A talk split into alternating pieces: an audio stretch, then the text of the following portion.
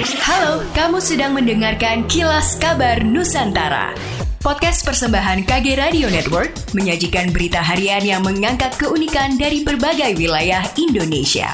Kilas Kabar Nusantara dapat juga didukung oleh pengiklan loh. Komisaris Polisi Bartolomeus Dambe Kasat Samapta Polresta Manado mengatakan, dari hasil evaluasi program Sikat Pemabuk Jalanan atau Sibulan, angka kejahatan jalanan di wilayah hukum Polresta Manado cenderung turun. Ia juga menghimbau masyarakat Manado berhenti mengonsumsi minuman keras karena hal tersebut sangat mempengaruhi terjadinya gangguan Kamtipmas. Seperti diketahui guna memastikan tidak terjadi tindak pidana akibat pengaruh minuman keras di wilayah hukum Polresta Manado, personel Polresta Manado melaksanakan patroli sibulan atau sikat pemabuk jalanan. Moms dan Dads ingin belajar pola asuh anak dan parenting dari ahlinya, sekaligus hiburan drama audio yang diangkat dari kisah nyata. Yuk dengerin podcast obrolan Meja Makan persembahan Media by KG Media bersama Nakita dan Nova hanya di Spotify.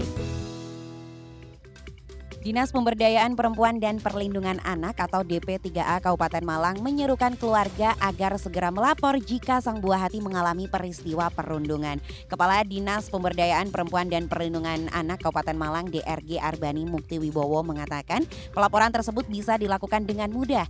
Caranya dengan menghubungi hotline UPT PPA di nomor 081 232 575 796. Beliau juga mengatakan jika tidak mengetahui peristiwa perundungan lantaran korban ataupun keluarganya tidak tahu cara melapor. Sebagai contoh kasus perundungan salah satu siswa sekolah dasar asal Kepanjen Kabupaten Malang. DP3A bahkan baru mengetahuinya melalui media sosial.